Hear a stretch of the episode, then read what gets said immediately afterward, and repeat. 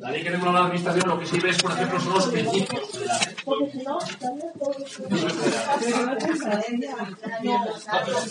Yo no quiero ver nada. No, no, no, no, no. Sí, eso está bien el tema. El tema que tienes, el tema que he dado.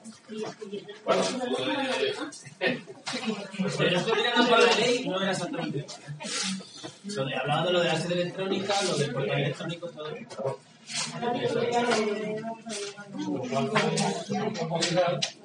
te lo pongo aquí en un par de. Las electrónicas, artículo 155, 155. Es que tú, vamos a ver, eso que el año pasado ¿no? Esto es una hoja y media que a mayores está al lado, pero es una hoja y media. Y son cinco artículos. ¿ok? Son dos hojas y media.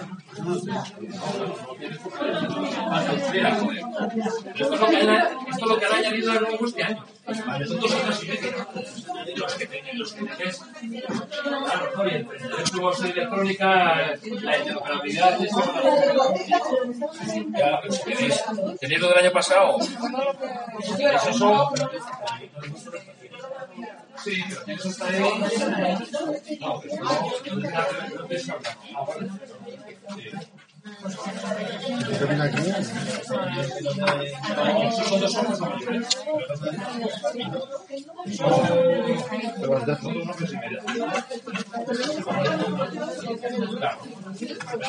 Ese tema, lo que pasa es que este tema le he adaptado a como que es los principios de la potestad sancionadora, la responsabilidad patrimonial, los órganos unipersonales colegiados y luego lo electrónico. Esto está abajo, otra cosa es que tú no lo saques porque no tienes, no puedes, no puedes sacar dos horas y media, artículos de la ley, que no tiene más. Entonces, como ahí, yo si quieres lo saco, lo digo que saque el 28 y coges lo que sea, porque habrá gente que los tiene y otros no. Este es el que 40. traje yo para gente que no ha visto nunca esto. Y es cuando trajo la ley. De. Pero nosotros Que no, el que yo aquí he adaptado los artículos que son los que efectivamente. No, no, no, no,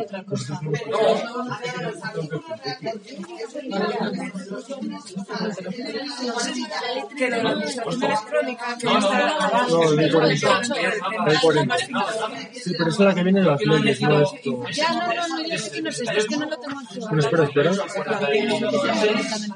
No, no, no tiene. Yo, tienes lo que yo. Pero es que tengo uno que es un techo más gordo de la ley 39. No, Sí. sé, vamos, no eso. Creo que es un tocho como ese, pero con la ley 40. Artículo por artículo, creo. De lo que es la, la parte primera, de lo que es el ámbito. No olvidéis que el ámbito de aplicación de la ley 39 es el mismo ámbito de aplicación de la ley 40. Hace una pregunta que te digan, ya, pero la ley 40 ¿qué se aplica? Lo mismo a la ley 39. A las instituciones territoriales a todas. Y del sector público, no. Del sector público se aplica, evidentemente, a las entidades del sector público vinculadas o dependientes a las territoriales. Ya las, los entes privados, evidentemente, solo en aquellos que ejercen potestades públicas. Y las universidades, carácter supletorio. Primero por su normativa y luego, evidentemente, vienes aquí y algo no se regula. Pero es la misma historia que habéis en la ley 39 ámbito de aplicación de la ley 39, ámbito de aplicación de la ley 40. Otra cosa es que cuando te habla de las administraciones públicas, ¿quién es administración pública? Evidentemente te mete a las territoriales y te mete a los organismos eh, autónomos, entes públicos de derecho público. De derecho público, no privado. Vinculados o dependientes del Estado, autonomías, ayuntamientos. Todo eso que veis ahí en el ámbito de aplicación es el mismo. Es el mismo. ¿Eh? Eh, los principios generales, hombre, aquí los comento porque como no tenéis constitución, tú dices, a mí me suena de la alofaje, claro, a mí me suena, pero porque aquí no tenéis constitución y son principios que son los que rigen las relaciones hacia adentro y hacia afuera. Las preguntas hipótesis, ha habido ocasiones donde dice, "Ves, ¿cuál de los siguientes principios son principios de organización o son principios de funcionamiento? Porque una cosa son los principios que rigen el cómo ella se organiza o el cómo ella actúa hacia el exterior. Claro, con esta ley 40 aquello se refundió y los principios los ha metido en un mismo artículo, tanto los de carácter interno como los de carácter externo. Ahora esas preguntas ya no te las pueden hacer. Antiguamente sí. Decía, ¿cuál de los siguientes principios son de puertas hacia adentro? Son principios de organización administrativa. ¿Y cuáles de los siguientes principios son principios de funcionamiento hacia el exterior? Ahora no, el mismo artículo te y te dice, todos estos principios son principios de organización y de actuación de funcionamiento. Y son los que cita el 103 de la Constitución, que aunque no os entra, todos sabéis, eficacia, jerarquía, descentralización, desconcentración, coordinación y sometimiento a la ley del derecho, son principios típicos de Constitución, están reflejados aquí, que metes además simplicidad, proximidad al, al administrado, simplificación de trámites, que metes lealtad institucional, por supuesto, ¿eh? que metes, por supuesto, coordinación, cooperación, colaboración, todos son principios naturalmente de hipótesis y el principio de responsabilidad, por supuesto. Le hemos visto, está recogido, le hemos visto el principio de responsabilidad. ¿Eh? Y además, ¿qué te mete? Ojo, algo importante, el principio de racionalización en términos de menos trámites o el necesario y lo, lo- lo pertinente, y algo que también es novedoso en esta ley, que es la planificación por objetivos. Punto. Planificación por objetivos. Así os hago un pequeño recorrido de la parte primera cuando os hablo eh, transparencia y planificación y dirección por objetivos. Os pongo un poco ahí en... ¿Por qué? Porque extractado del preámbulo, del preámbulo de la propia ley, son principios. ¿eh? Son principios que aparecen recogidos expresamente. Leerlos tampoco gusta este entonces son más bien, son más bien, que ya está directamente en los órganos.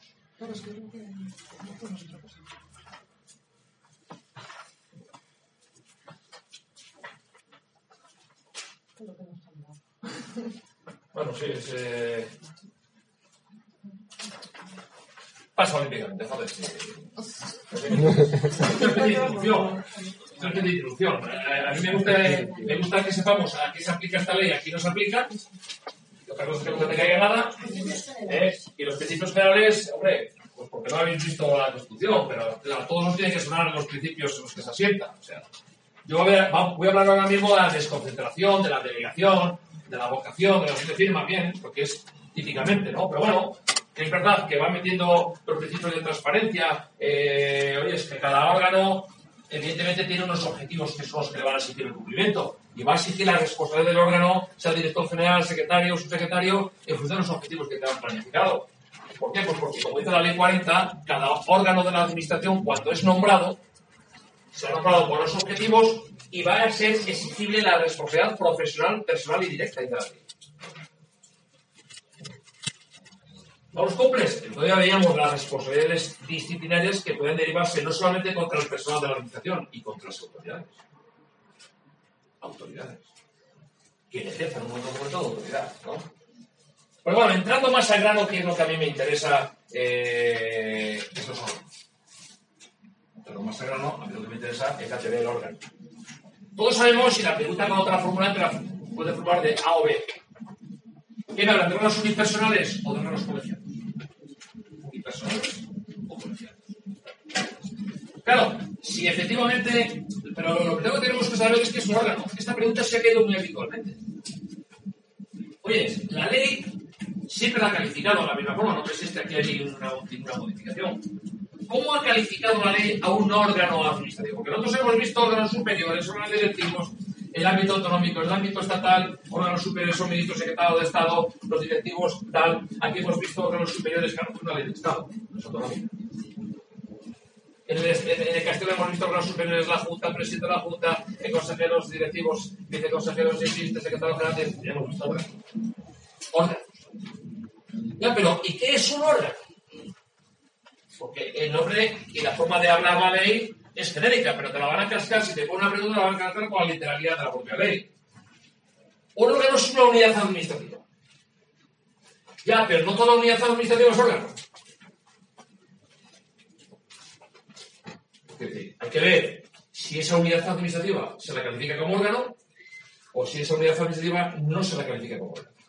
para que sea órgano, esa unidad administrativa tiene que tener encomendadas unas funciones donde tiene que intervenir él sí o sí porque su intervención es perfectiva. Y además, el acto que dicte, la resolución que dicte, tiene un carácter vinculante. Produce efectos, dice, frente a terceros. Como dice la propia ley. Siempre lo dijo, yo decía la vieja Guzmán. Siempre lo dijo. Lo que pasa es que es una forma de definirlo muy genérica. Te está diciendo que si en ese expediente tiene que ser resuelto por el director general de fomento, que no intervenga en la agricultura. Y entonces ese es el órgano, esa unidad administrativa, donde efectivamente el personal que trabaja tiene una unidad de actuación en fomento, en agricultura, en sanidad, en trabajo, tal, en aguas. Bien. Y evidentemente tiene un superior jerárquico común, se llame el director general, se llame el secretario de Estado o se llame el consejero. Es un órgano. Ya, pero lo que te estoy diciendo es que reúna las dos condiciones. Que tenga que intervenir sí o sí porque sea evidentemente competente, ya hemos visto la competencia por el territorio de materia y jerarquía, y que además lo que produzca, evidentemente como lo produce el órgano competente, sus efectos tienen fuertemente efectos frente a terceros. Porque algo que emane alguien donde los efectos no sean frente a terceros, no es órgano. Es su contrario. Espero define en esas dos líneas. Es la forma de hablar la propia ley, si lo estáis leyendo. eh, en fin, eh, atribuir funciones que tengan efectos jurídicos a terceros o cuya intervención tenga carácter protectivo. O sea, sea obligado a intervenir sí o sí, porque es el competente. Bueno, esa es la forma de definirlo. No te están diciendo absolutamente nada más. Por eso, insisto, no toda unidad administrativa es órgano. Tiene que haber algunas de estas condiciones. Que la pone así, dirás, estos son órganos. O luego te ponen, órgano administrativo es. Eso es una pregunta a tener en cuenta. Porque al fin y al cabo es la teoría del órgano. Claro, es verdad que cada administración pública tiene los órganos que le dé la gana. Sí. Cada administración pública tiene los órganos, la estructura organizativa la hace cada administración pública. Es un privilegio que tiene cada administración. Teniendo en cuenta las disponibilidades presupuestarias y económicas que tengas, crearás más o menos consejerías, dentro de cada consejería crearás más o menos eh, direcciones generales, eso es tu problema. Si eres capaz de mantenerlas, lo que sí está diciendo expresamente la propia ley es, ojo, nunca se puede entrar un órgano que sea duplicación de otro que existe. Entonces elimina el anterior. Ya está. Y por tanto, cada administración que cree los órganos que le dé la gana, pero que diga a qué administración, a dónde se inscribe, qué órgano, de quién depende, qué va a hacer, funciones, objetivos, como hemos dicho, y evidentemente qué partida presupuestaria tiene para ello. ¿Es así? ¿Está correctamente claro el órgano? No, no está claro correctamente. ¿Por qué? Hay duplicidad. Sin más. Eso es el concepto genérico, porque lo que te interesa es las primeras dos líneas. El resto, ya sabemos que la creación tiene que ser, evidentemente, con los objetivos en un ámbito concreto de la administración ¿eh? y que tenga un superior que tenga pasta para funcionar. Si no tiene crédito presupuestario, no funciona, no existe. Ahora bien, eh, preguntas que te hacen, oye, ¿y qué pasa? ¿Qué es una instrucción? ¿Qué es una orden de servicio? ¿Quién la da? ¿Nos interesa a nosotros como particulares? ¿Se publica? ¿No se publica? ¿Se difunde? ¿No se difunde? Hombre, ¿cuál es la general? A ti me dicen, oye, ¿cómo se, ¿cómo se relaciona un órgano superior en relación con un inferior? Instrucciones. Orden de servicio. Entonces, ¿en dónde funciona? La relación jerarquizada de la administración. Ya, pero esas instrucciones, no, no, pero esas instrucciones van orientadas a cómo tiene que actuar los- el personal de la propia administración. ¿A mí qué me interesa? Nada. ¿A mí qué me interesa? En principio, nada. Ah, que en algunas ocasiones eh, interesa darlas publicidad para que el ciudadano sepa cómo actúa ese órgano y se pueda dirigir a quien sea o tenga ma- mayor competencia. Bien, eso es- o que sepamos o debemos de saber cómo debe de actuar el inferior porque las instrucciones se las ha marcado el director general o el ministro o el secretario de Estado. Vale, perfecto. Pero no dice que haya que publicarlas y difundirlas con carácter general. Estamos hablando de instrucciones. No estamos hablando de una delegación o una desconcentración que veremos la publicidad es imprescindible. O una encomienda de gestión. Estamos hablando de las instrucciones y órdenes de servicio. Entonces, esa terminología que estáis viendo, que no sepáis o que no penséis que es con un carácter general. Que las instrucciones van orientadas a efectos internos. Que al ciudadano de la calle le importa tres pepinos. Y que además, si el inferior vulnera una instrucción del jefe, podrá dar lugar a la responsabilidad disciplinaria que vimos otro día. Pero jamás produce una invalidez del acto.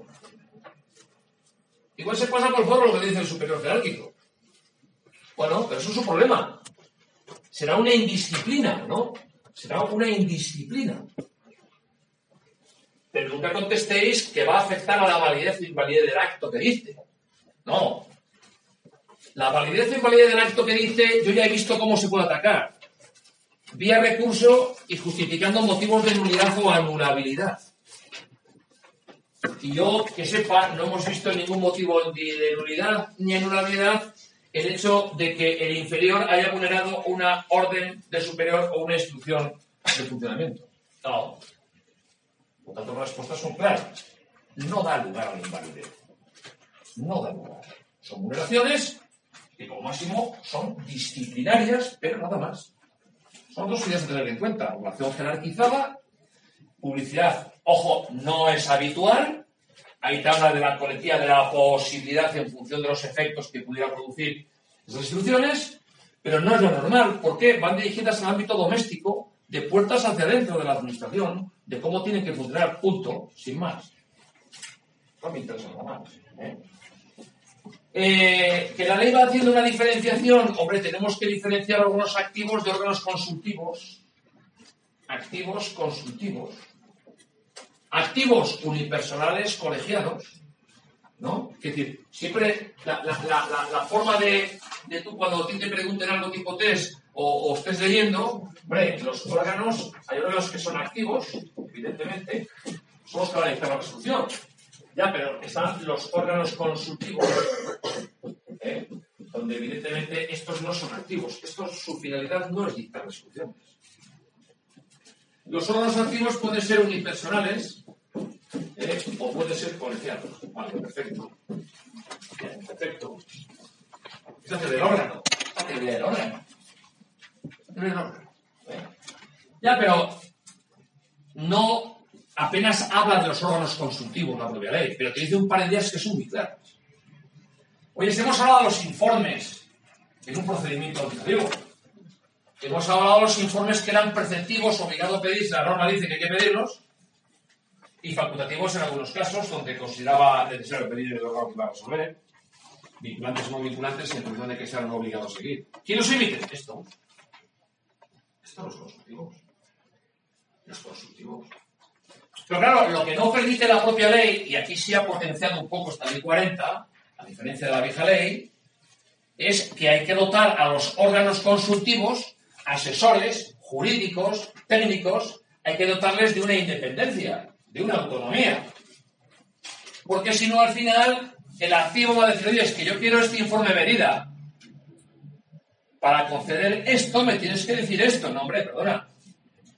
Perdona. Yo respondo, eh, respondo evidentemente de mi función de órgano consultivo. Tu activo, móntatelo como quieras, pero a mí déjame en paz. Y yo soy un órgano consultivo, soy un órgano asesor, pues soy un órgano técnico. Y para eso está el cuerpo técnico de la administración. El cuerpo técnico de la administración hay muchos que son resolutorios y hay muchos que son consultivos. ¿Qué me está diciendo? ¿Qué es lo importante a destacar de la reunión de contexto de la teoría del órgano consultivo? Hombre, la independencia, la autonomía orgánica y funcional que establece la propia ley, siempre siempre. Porque no debes de olvidar que los órganos consultivos pueden estar dentro de la propia administración activa o fuera. Oye, ¿es máximo órgano consultivo del Estado? Consejo de Estado.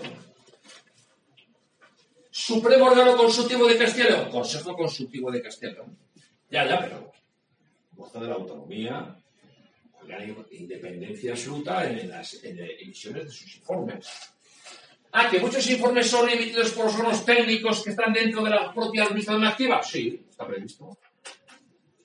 Pero a esos es a los que más hay que dotarles de la autonomía orgánica y funcional, claro. Para evitar las injerencias, las interferencias, y que evidentemente entren dentro de, de la faceta consultora.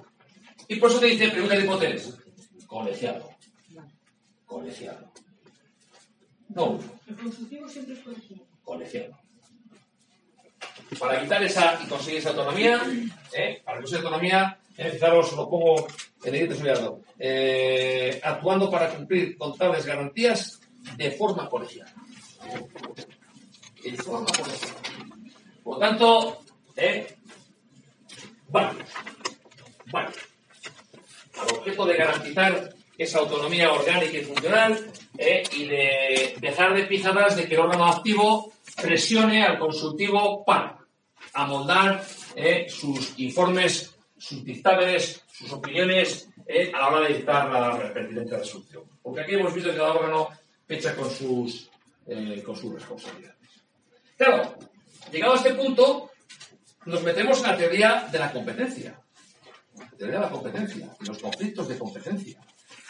Porque cada órgano, evidentemente, cada órgano tiene atribuida una competencia.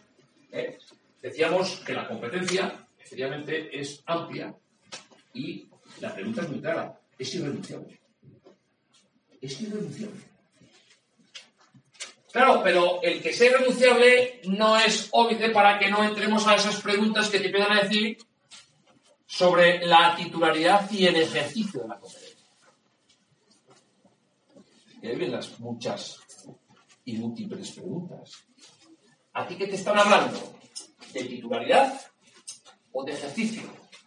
Porque si el titular de la competencia la ejerce, pues perfecto, es para lo que va destinado.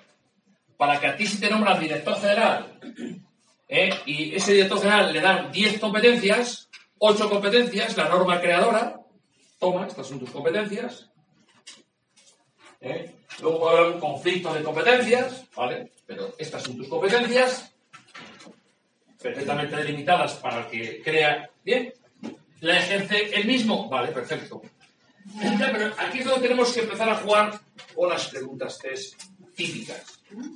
¿Qué me hablas de desconcentración, de delegación, de encomienda de gestión, de una simple delegación de firma? Ojo, aquí no metáis para nada la descentralización. ¿eh? Y la palabra descentralización chirría. Porque vamos de órgano, no de ente. Bueno, del órgano. No de entes. Si a ti preguntan algo de la descentralización, es una transferencia entre entes. El Estado a Castilla y León. Ley Orgánica de Transferencia o Delegación, 152 de. De Castilla y León, transferencia a los entes locales, ¿os acordáis? Ley de las Cortes aprobada por mayoría absoluta. Ya, pero esas operaciones, esas operaciones, nada tiene que ver con esta, aunque te la puedan meter como alternativa. Y te metan la palabra descentralización. Ya, pues aquí no hablamos de ninguna descentralización. Porque aquellos entre entes, entre lo que tú no ves, siempre hemos dicho, yo no veo el Estado, yo no veo a Castilla y León, pero tampoco veo al municipio ni a la provincia. Eso que se produce entre entes se llama descentralización. Ya, aquí lo que sí podemos hablar es de desconcentración. Que es verdad que es otro principio que cita el 103, pero claro, desconcentración es entre órganos. Y esa desconcentración, que aquí la ley del Estado apenas habla, sí la vimos en Castilla y León. Sí la vimos en Castilla y León. Y esa desconcentración, que es la pregunta tipo test. Cuidado porque cuando se desconcentra una competencia, lo que se da que es la titularidad más el ejercicio. Las dos. Las dos. Entonces, si se efectúa, que allí tenía que hacerse, si os acordáis, un decreto de la Junta, era competente para desconcentrar, y la desconcentración podía ser el centro al centro, del centro hacia la periferia, no había ningún problema, pero Claro, al dar la desconcentración, al dar esa competencia, el órgano desconcentrado la asume como si fuese propia y salvo excepciones luego podía delegarla. Entonces nos encontrábamos con desconcentración más luego posibilidad de delegación. Cosa que en delegación el delegado, salvo excepción, está prohibida la subdelegación. Como vamos a ver en otro momento. Pero claro, ¿eh? aquí estamos hablando de una desconcentración. Aquí lo único que te marca la propia ley, insisto, si te preguntan algo de desconcentración, lo más que te pregunten de Castilla y León, no va aquí. Porque aquí ley te dedica dos líneas. Porque la desconcentración que es entre órganos siempre sigue este criterio hacia abajo. No es como la delegación que puede ser hacia otro órgano igual o inferior. El recorrido es distinto. Si es desconcentración, es hacia otro órgano jerárquicamente inferior. Y claro, el desconcentrado que coge la competencia como si fuese propia mientras se la mantenga y no se la quite un decreto de la Junta, vayamos allí, lo que emane del órgano desconcentrado es como que emana de él, a diferencia de la delegación que veremos que se entiende del delegante. En la desconcentración se entiende que emana de él. Y de cara a recursos, que es a donde voy la pregunta, de cara a recursos, cuidado porque al entender que emana de él, mira a ver si ese que emana agota o no agota la vía. No es como la delegación que tienes que mirar quién es el delegante porque hay que ver si el delegante agota o no la vía. Este tienes que mirar al desconcentrado. Otra cosa que dijimos importante en castellano es que el decreto de desconcentración podía decir que lo que emanaba el desconcentrado agotaba la vía administrativa, aunque en teoría no la agotase. Si decía el decreto de desconcentración. Imaginaos que la Junta desconcentrada o el consejero, decíamos, hacia un director general de la consejería. Ya, pero el director general de la consejería no agota la vía, es algo en personal. Pero si el decreto de desconcentrado dice la gota, pues la gota. ¿Por qué? Porque lo dice el decreto de ya, pero esa es la desconcentración. Ya cerramos la descentralización, quitamos la desconcentración porque, insisto, aquí esta ley apenas te habla. Siga de Castilla y León. Y lo que sí tenemos que tener en cuenta es, vale, vamos a ver el resto de figuras. Delegación, encomienda de gestión, delegación de firma, avocación, suplencia. Claro, ¿Qué te dice la propia ley cuando te habla estrictamente de la competencia? Ojo, eso nunca va a afectar a la titularidad. Eso afectará al ejercicio. Y a veces ni siquiera comete la ley a elementos determinantes del ejercicio, sino para ser su contrario a elementos simples del ejercicio, no determinantes. La delegación de firma, una delegación de firma, pero entonces, claro, hay que diferenciar la titularidad, la competencia. Será, ¿quién la ejerce? La ejerce el titular, bien, perfecto. Pero ve dos figuras paralelas. ¿Eh? Claro, aquí siempre hablamos de los posibles conflictos de competencias. Posibles conflictos de competencias. Que además hay otra pregunta tipo test también, eh, que igual no repares en ella, pero que es de pura dura porque a veces la competencia, vamos a ver un poco ustedes, me acostumbráis a los arranques de la hostia, no sé si molestan a no. ¿Eh? Hombre. Entonces, claro, eh, hablando de la competencia, hay ocasiones donde viene una norma y dice, esta competencia la asumirá León. Las cosas de. Y entonces, no te dice nada más. La norma te dice, esta competencia la asumirá el Estado. Y la pregunta que te soluciona la propia ley es, ya, pero cuando una norma atribuye una competencia a una administración, sin decir a quién, no sin decir a quién, sin decir a qué órgano, es un problema, ¿no? Es un problema. Porque si esto dice, no, esta competencia atribuye a la Junta, vale. Ah, esta competencia atribuye al consejero, perfecto. Ya, pero ¿y qué pasa cuando la norma dice esto se atribuye a una administración y no dice a quién? La administración es grande. Y entonces te resuelve una propia ley de forma, bueno, hace, ¿no? Dice, ojo, porque quien va a instruir y a resolver esos expedientes sobre esa competencia va a ser el titular del órgano que tenga esa competencia, pero inferior. El más bajo. de todos los que establezca en esa materia esa administración. Y si hubiese varios, A es superior común a ambos. Es la forma en la que te soluciona la pregunta. La hipotética pregunta. Que luego es una pregunta sobre la competencia. Que normalmente la competencia te dice, mira, esto lo tiene el director general, esto es competencia del consejero, esto es del viceconsejero, esto es del secretario general de la consejería. ¿Eh? Esto es del ministro, del secretario de Estado o secretario. Ya. Perfecto. Son competencias directamente atribuidas a un órgano. Aquí el tema es cuando la norma da una competencia a una administración sin especificar a quién. Y tú dices, ya, ¿y ese expediente quién lo tramita? ¿Y quién lo resuelve? Ese procedimiento, ¿quién lo tramita y lo resuelve? Y te lo resolverá de esa forma. Vete a ver el órgano más bajo, el inferior jerárquico, que por razón de la materia va a hacerlo. Y si hubiese varios, es superior común. Una es la forma de solucionártelo. Es la forma de salir de la patada. La podéis cascar de hipótesis de esa terminología. Luego, hablando con la competencia, entramos en esos hipotéticos conflictos de competencia. ¿Es tuya? ¿Es mía? ¿De quién es la competencia? ¿Eh? ¿Es de los dos? Como hemos visto muchas veces, hay conflicto positivo, los dos la quieren, o negativo, es un chollo, ninguno la quiere. Y de alguien tiene que ser, y de alguien tiene que ser, evidentemente. Esos conflictos de competencia solo, solo, solo pueden darse, propia ley, entre los en jerarquía. No, sin jerarquía, ¿cómo va a producirse? Preguntar, ¿eh? ¿Es así? No. ¿Cómo va a ser un conflicto entre un ministro y un director general? No, no. Siempre los conflictos se órganos iguales. Iguales. Misma altura.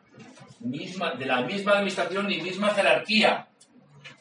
¿Para qué? Para que el conflicto lo resuelva el superior jerárquico no está. Y diga, es tuyo.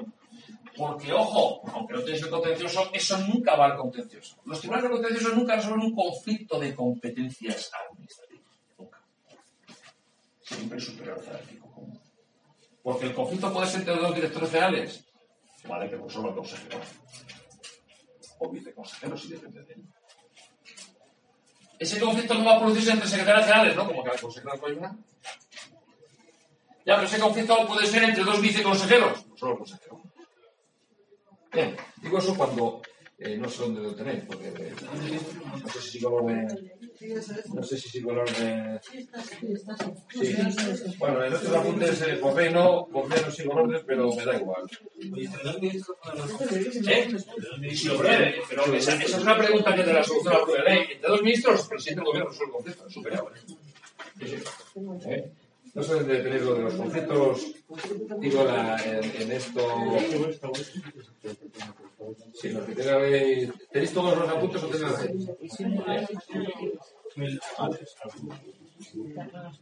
Ah, vale, sí, vale, sí, sí, lo tenéis en las decisiones, vale, vale.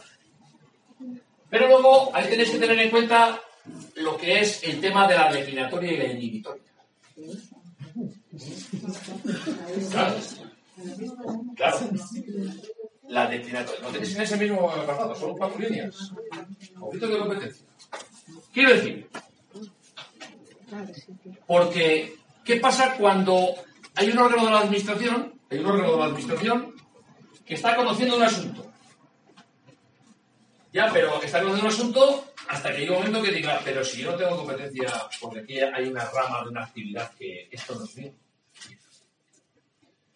¿Qué puede hacer de oficio?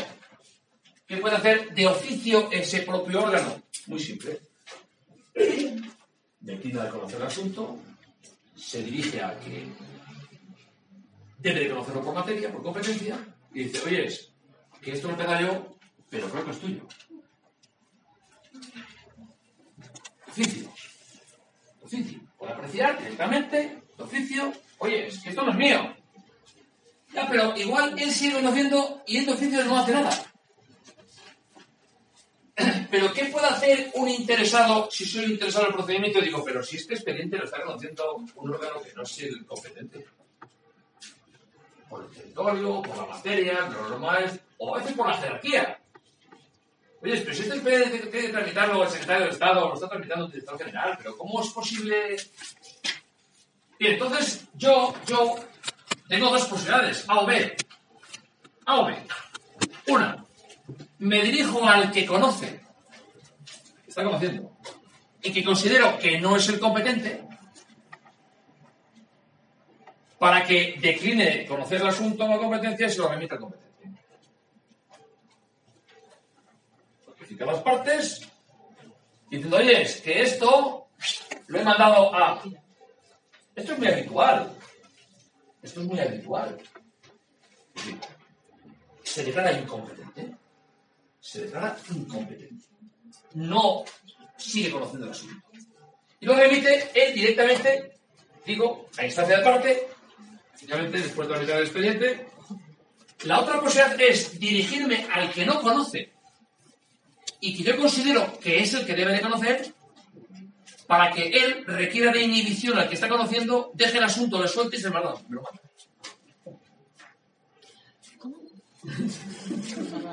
Último. Último es. Eh, pues es lo último. Sí, que te diriges al que no lo está conociendo. Bien, puedes hacer las dos cosas. Tú te diriges al que está conociendo y consideras que no es competente para que abandone, que tiene conocimiento del asunto y lo remita al competente, o dirigirte al que tú consideras que es el que debería conocerlo, no lo está conociendo, se lo pone en su conocimiento y efectivamente dice, tienes razón, ese expediente es mío, para que requiera de inhibición al que está conociendo, deje de conocer y se lo. O sea, le prohíba al otro que siga conociendo para, para que se lo pase a él, dices, ¿no? Vale, vale, no. Claro, y ahí, ahí es donde se puede suceder ese conflicto, porque igual dice, no, no, tú dices que es tuyo, pero yo digo que es mío. Y que no solo es súper tranquilo. Es el conflicto que el examen. Todo ello lo tenéis dentro del abanico conflictos de competencia. Cualquier pregunta de estas sepamos solventarla. Pues la pregunta te puede ser de oficio o a instancia de parte. De oficio o a instancia de parte. Pero insisto, siempre, y entre misma altura, no jerarquía. ¿De acuerdo? ¿Eh? Y lo que diga superior la mesa. Claro, mismo nivel. Porque al final, insisto, igual los dos se consideran competentes, conflicto positivo. Pero igual uno dice que no es de él, se lo manda otro y dice otro, no, no, tampoco es mío. Pero en ningún caso que se- el- si hay uno que está, que está en ello, Conociendo. conociendo, y, el- y, y hay otro que dice, es mío, eso no, no se puede. Sí, sí, ese es el requerimiento de inhibición. Ese es el requerimiento de El suscitado por el. Nunca tu propio... No, pero, de, pero- de, de motu propio es la misma historia. Estarías en el apartado A de oficio. Estarías en el apartado A. Yo de oficio digo que no soy el competente. No, no, yo aquí que digo que soy competente, eso la ley no lo prevé. Vamos a ver, atiéndeme. Pero el que diga si es competente o no será el que está- tiene el expediente encima. El que está a, a 500 metros no sabe que existe. Exacto. Joder, que claro que me estás diciendo. Eso, Claro. eso no es posible. Vamos a ver, es que no sabe que existe el expediente. Vamos, por eso no es posible. claro. Vamos a ver, cuando tú no hablas de imposible, el imposible es, eh, yo puedo ser competente, pero nunca me entero, nadie dice nada, O me lo dice alguien que no se le interesa. Mientras no se le interesa, yo no puedo hacer nada.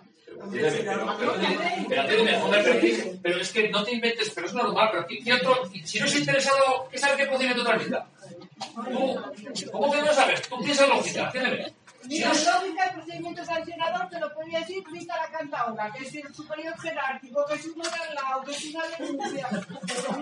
Atiéndeme, atiéndeme. Atiéndeme. Tú, no, tú aplica la lógica en la vida. Lógica. La lógica. ¿Qué hostia han sido los procedimientos que tramita la Junta de Castellón si no estoy dentro de la Pero te lo chiva alguien, yo qué sé. Pero a mí que me importa, le diré, pero a mí que me dices, si no soy parte ni yo ni parte. Todo hablamos, vamos a ver, siempre estamos hablando de alguien que sea parte del procedimiento, joder. Es que si tú no eres parte del procedimiento, ¿cómo te enteras a que eso dices?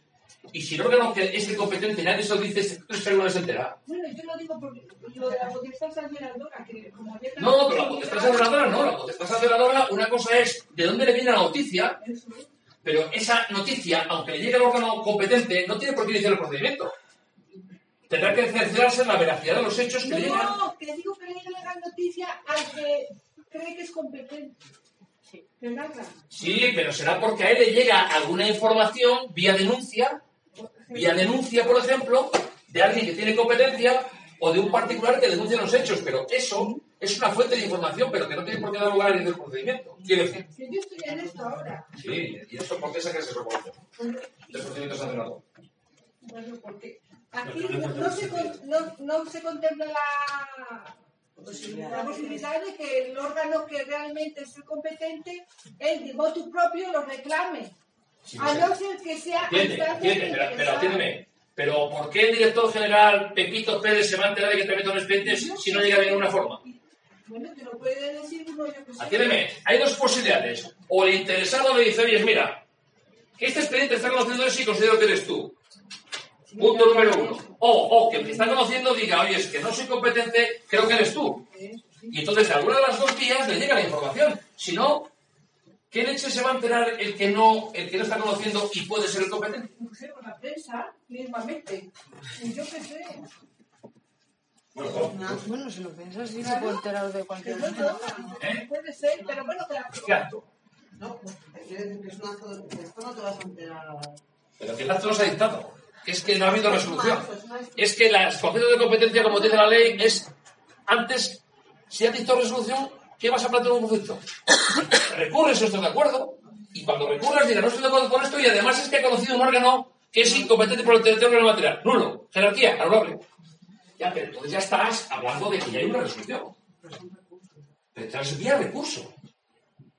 Plantearás el recurso de la manera es que el órgano que he conocido no es competente ni por el territorio o por la materia, nulo. Por la jerarquía, anulable. Pero de alguna forma habrá de llegar la información al competente, no vía... ¿Qué prensa? Que... Bueno, o, o por decir, yo qué sé, alguna cosa le puede llegar, o una notificación pública, o no me parece tan descabellado. Hombre, lo único que sea un órgano de la misma administración. No, es que estos son 20, puede ser todas las mismas. No, te quiero decir que, que igual él vea que está conociendo un procedimiento y diga, "Ah, eso es mío, y mi vete, que es un... Ya, pero pues claro, que tiene que conocerlo de alguna forma. Claro, claro. Dime, dime qué forma. A o B. A o B. Es decir, A o B. A o B. Quiero decir, de alguna forma, ah, que lo, que lo ve en, el- en el periódico, en el periódico ve que este. Bueno, a ver si me entiendes, pero no dejes otra fuente de información. Si él considera, podrá requerir de inhibición. El requerimiento de inhibición es una figura jurídica creada para cuando el que no conoce y considera que es el competente requiera de inhibición al que está conociendo y considera que no es el competente. Esa es la figura jurídica. Es un requerimiento de inhibición. ¿Para qué? Para que se inhiba y mande el expediente. ¿A ti qué más te da la forma? Da igual. Da igual. Porque entonces me- tú dices, es igual que si el juez inicia una instrucción por una noticia de crímenes que ve el periódico. Perfecto. Pero al fin y al cabo, él tiene competencia para iniciar porque es el competente. El que, que la vía de información que le llegue, que tú dices, no, este lo vio en la prensa, pues que lo arranque. Ah, es que no parte la ley. Ah, ¿qué pasa? ¿Que la ley tiene que decirte por cualquier medio? No, dice las formas más normales. Y si es un requerimiento de inhibición, si es un requerimiento de inhibición, es la figura jurídica creada para que el que no conoce se dirija al que está conociendo y le dé el expediente, que es mío. Otra cosa es que diga, no, no, no es mío, ni es mío. Vale, que lo solucione el superior jerárquico, es tuyo. Ya está.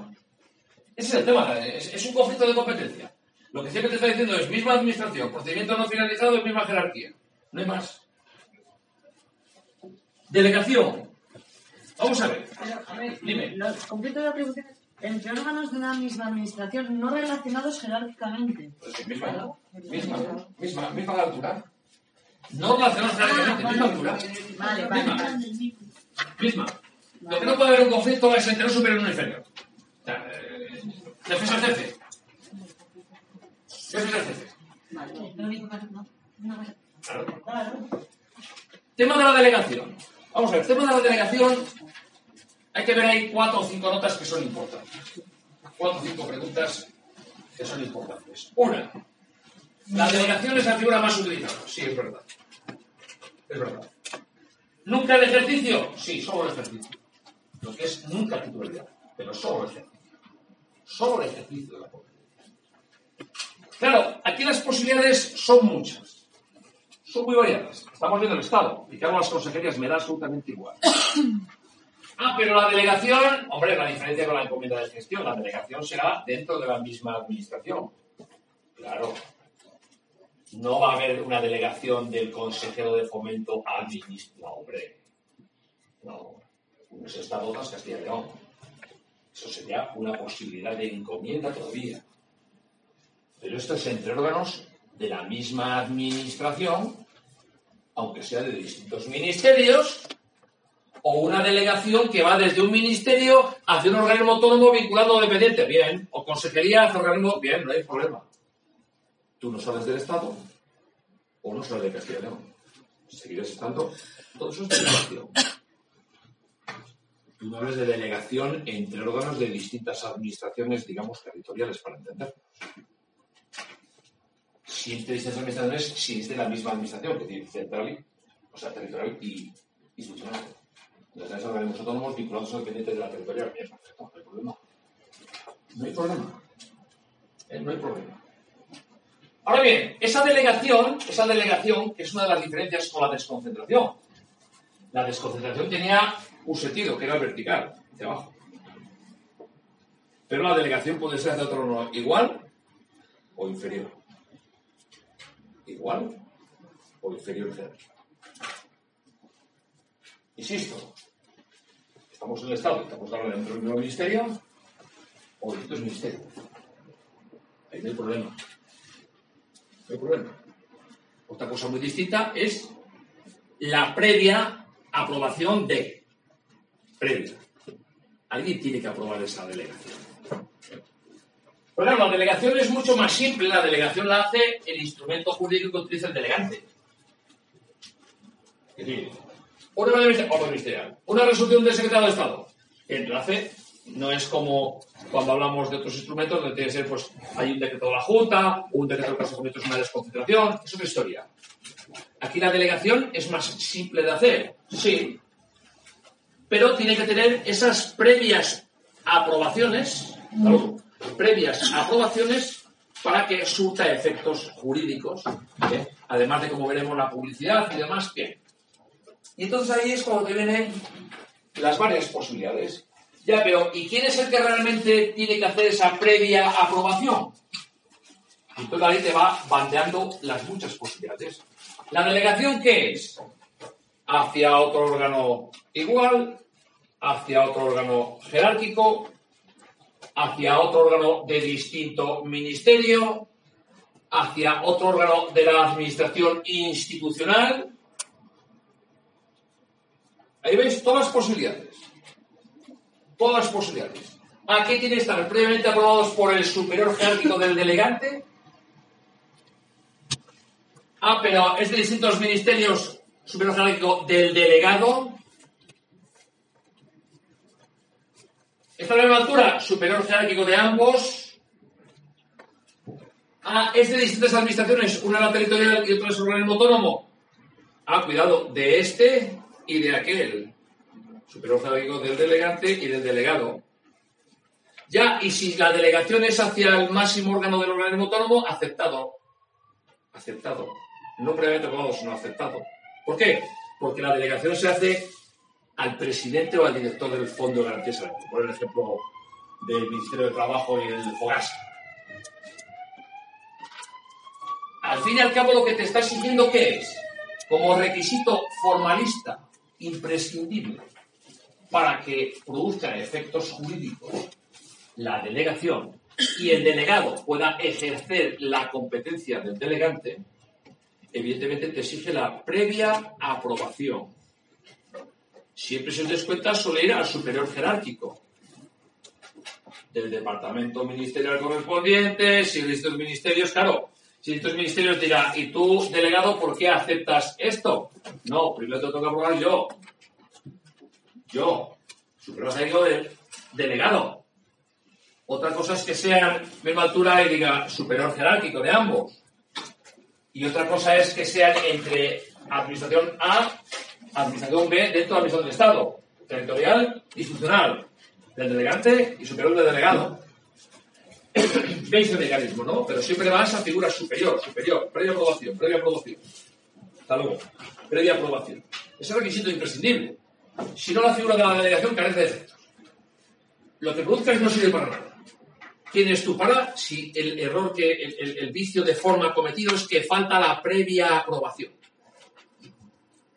Ojo, y en un momento concreto os habla no de previa aprobación, sino de aceptación, claro.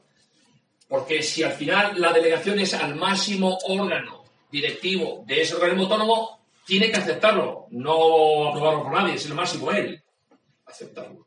Es el único momento en que dice aceptarlo. ¿De acuerdo? Requisito imprescindible. ¿Qué más nos interesa? Típicas preguntas tipo test. Como se delega el ejercicio y nunca la titularidad, lo que produzca el delegado de quién se entiende que emana. Delegante. Por tanto, mira a ver si agota o no la vía de cada recurso. Mira a ver si agota o no la vía administrativa. Hasta luego. Tiene que publicarse. La delegación tiene que publicarse siempre. Siempre. Si no, aquí esas preguntas de si tiene que notificarse. No, no, no. no. Publicarse. ¿Dónde? BOE, BOCIL, BOC, ¿en función de quién? ¿Quién es el delegante? ¿Y cuál es su ámbito territorial? Estatal, autonómico o local. Publícalo sí o sí siempre, si no, no vale para nada, de efecto de forma. La desconcentración también, ¿verdad? La desconcentración imprescindible. Porque además suele ser un instrumento eh, de más alto nivel que tiene, que publicarse. Porque si no, vamos a ver, si no estuviese publicado, además cuando se resuelve por delegación, en la propia resolución que se resuelva por delegación te va a decir por delegación y la norma donde está publicada la delegación. Porque igual que te delega, se revoca. Igual que se da, se quita. Y evidentemente el órgano no puede ejercer la competencia, ejercer la competencia, dictar resoluciones si ha sido objeto de revocación de la delegación. Tiene que publicarse igualmente tanto la dación como la revocación. El dar como el quitar. Claro, hay preguntas tipo test que son importantes y las hemos visto en recursos. No solamente lo que dije hace un momento, sino que uno de los límites más importantes que tenéis es efectivamente jamás se podrá delegar la resolución de un recurso administrativo si lo es en el mismo órgano que hizo el acto objeto. Lo tenéis ahí como límite. Y lo vimos en los recursos. Porque como os dije, habrías desnaturalizado el recurso. El recurso que es vertical, ¿qué pasa? ¿Que vas a superior y superior delega el mismo que hizo? Le has convertido en horizontal. Has desnaturalizado el recurso de alzada y le has convertido en horizontal reposición. Prohibido. Prohibido. En términos de recurso, en términos de delegación, prohibido. El tema de si es posible la subdelegación. Delegar lo que ya tienes por delegación, salvo que no. Salvo que expresamente no. No. Pregunta tipo T, son preguntas, es que son pequeñas pinceladas. Previa aprobación, publicación, eh, lo que se emana por delegación se tiene el delegante, prohibida la subdelegación salvo excepciones, son pinceladas. Pum, pum, pum. Son pequeños frados, es decir, me está de delegación, siempre, publicación, revocación, publicación. Ah, pero ¿qué pasa? ¿Que la delegación solamente puede hacerse entre los unipersonales o colegiados? Nada. Lo que ocurre es que el mismo, eh, el mismo, lo dice expresamente la propia ley. Igual que os he dicho, de la misma administración, ¿por qué no va a poder ser otra cosa que respete el quórum de votación de ese órgano colegiado, la misma mayoría, eh, el delegante, el delegado, todo eso son preguntas que hay que tener en cuenta. Igual que os estamos dentro de la misma administración. Ah, pero la ley te dice, ese obstáculo, la vieja no lo decía, ese obstáculo para delegar el hecho de que haya que pedir un informe preceptivo a un órgano consultivo que antes hemos comentado, no, no es ningún obstáculo para delegar. Pero no se podrá delegar si ya se emite un informe. Si el dictamen, porque entonces se podría dar la paradoja de que no me gusta el dictamen, resuelve tú. No, no. Si el informe fue dictado, resuelves tú. No puedes delegar. Son límites expresamente de la Son pequeños dudas. ¿Eh? Pum, pum, pum, pum, pum, pum, pum, igual que te dice que no se puede delegar el tema que afecta pues, a la jefatura de Estado. Pero bueno, o sea, son, son límites efectivamente al presidente del gobierno, eh, a las Cortes Generales, que es la Asamblea Legislativa. Todo eso son límites donde efectivamente la competencia la tiene que la tiene y aquí no cabe la delegación. Eh, las funciones del jefe del Estado, de se quieren. ¿Entendéis? Todo esto es un poco. Pero bueno, son límites materiales que están recogidas en la propia, en la propia legislación del Estado de siempre y que lo que tenemos que tener en cuenta es eso. O sea, hay 8 o 10 ideas de la delegación que son básicos. Titularidad, nunca ejercicio. Solo jer- jerárquicamente, no, iguales. ¿Misma administración? Sí, misma administración. Ah, pero misma administración, entre territorios e instituciones, sí, pero está dentro del Estado. ¿Existentes administraciones públicas territoriales? No. No. Requisito previo, previa aprobación. Previa aprobación. En un caso, aceptación si se da al máximo órgano del organismo autónomo. Publicación siempre. Límites, esos que hemos comentado, los más importantes. Ah, pues dime. ¿Cómo existe la aceptación si se da Sí, la aceptación, la única vez que utiliza la palabra aceptación a ley, también lo en Castilla León, es cuando efectivamente va, por ejemplo, desde un órgano del Estado, un ministro, imagínate que va de un ministro al presidente o director del organismo autónomo. Ese lo aceptará, no tiene que tener la aprobación de nadie. ¿Por qué? Porque es el máximo órgano del organismo. Pues en vez de utilizar previa aprobación, la aceptación. ¿Eh? Publicación, siempre. O sea, son las, las típicas preguntas. Son pequeños flash que te va marcando eh, la propia... Pasa lo mismo que disposiciones de carácter general. Dentro de esos límites, eh, se- que no se me cuele, hay una... ¿Dónde está el tema de la delegación, los límites? Eh, sí, pero los límites. El punto 2. la adopción de disposiciones de carácter general. Claro. ¿Qué vas? A delegar la aprobación de un reglamento. Prohibido. El reglamento tiene que ser dictado, aprobado, es igual que las leyes. Las leyes hemos visto que cabe la delegación legislativa en el gobierno en los casos pactados, concretos, específicos, eh, establecidos, no pactados, establecidos de base ley ordinaria. Pero evidentemente, evidentemente, un reglamento, un real decreto del Consejo de Ministros, no, del Consejo de Ministros, una orden ministerial reglamentaria vendrá del ministro, no se podrá delegar en nadie. ¿Por qué? Porque es una disposición general. Lo que te está diciendo en su contrario es que podrás delegar el dictado de actos, pero nunca de reglamentos. Nunca de disposiciones de carácter general. Nunca. Prohibido por ley. Por ley. ¿Qué es ahora? Hostia, no me dice que no. No podrá ser. Yo me pondré de 20 yo arriba. Oye, es el, próximo día eh, lo que me queda, pero ya vamos a por los colegiados.